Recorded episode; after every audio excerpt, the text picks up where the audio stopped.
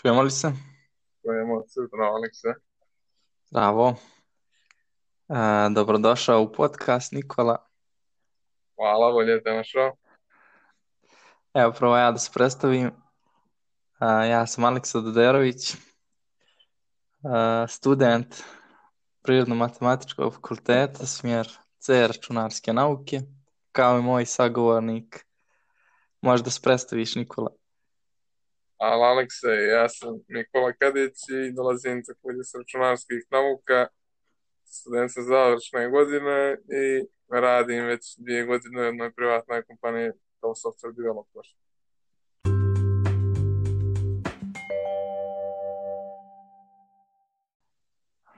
Tema današnje emisije je uh, aplikacija Chat and Play na kojoj smo zajedno radili ja i kolega Nikola Kadić koji je moj gost trenutno.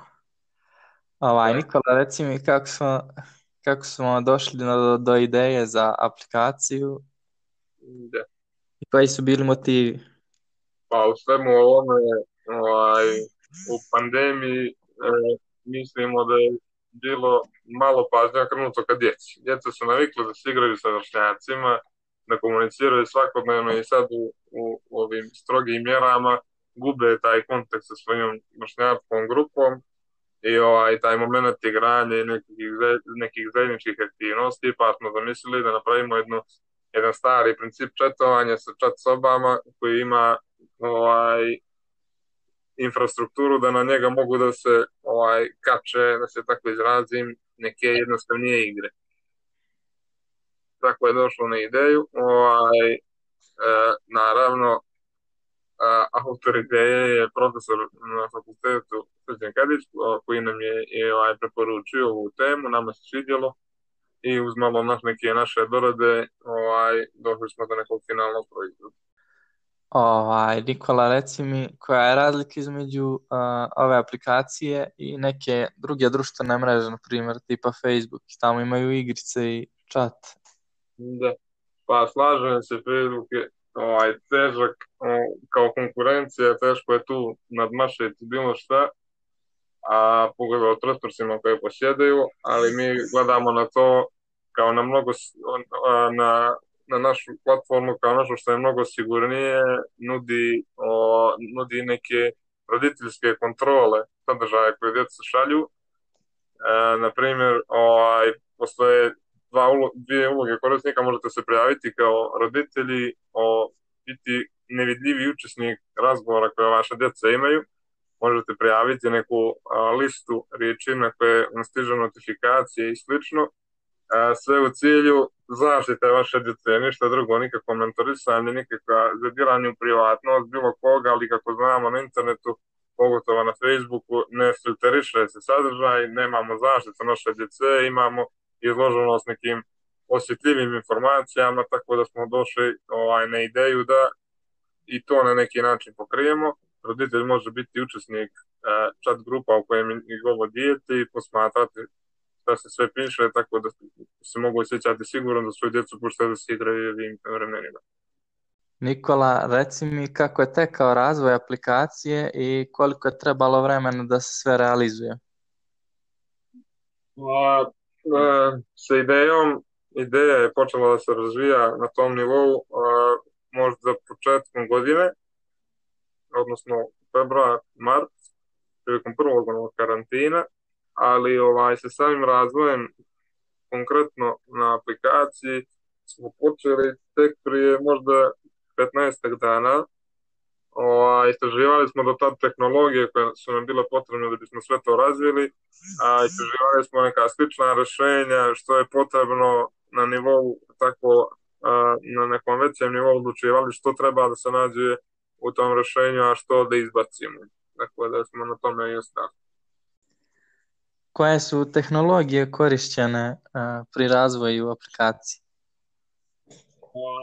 Koristili smo na suštini svaki chat i potrebni, potrebni su web soketi. Koristili smo na frontendu reconnecting web sokete i na backendu takođe. Što se tiče backenda, a, koristili smo Django kao platformu, odnosno backend framework koji smo ovaj, e, na kojim smo podigli sve ostalo. Ovaj, u pitanju je Django Channels, odnosno ASGI, Asynchrony Web Server Gateway Interface. Preko njega smo povezali Django Channels, koji služi za povezivanje sa soketima, koji se kasnije nadovezuje na Redis 5 i Ubuntu 20, koji još nema long-term support, što je jedno od rizika ove cijele platforme, ali nadamo se da ćemo i to prepraviti da će do prave produkcije sve biti na stabilnim osnovama.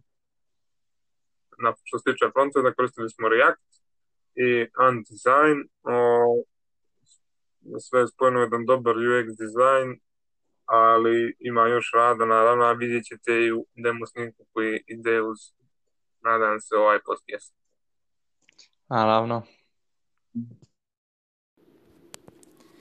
Sada ćemo dakle pustiti demo snimak aplikacije, a dok snimak ide, zamolio bih našeg uh, studijskog kant autora Jošu da odsvira svoju numeru. Joša, izvolite. Oko mene sve nek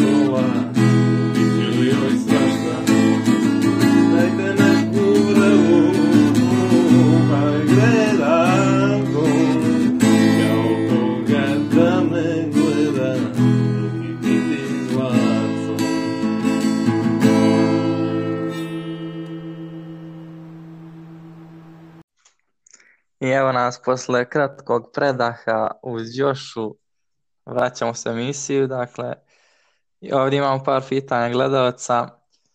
Uh, evo jedan Marko pita, znači koji su sljedeći koraci u, u, pri razvoju ovog, ovoga projekta? Samo moram da pohvalim Jošu stvarno sjajan performans, vidi se da momak radi. Uh, Marko, hvala na pitanju. Pa i mi ova, još razmišljamo o daljim koracima, sad smo na toj prekretnici.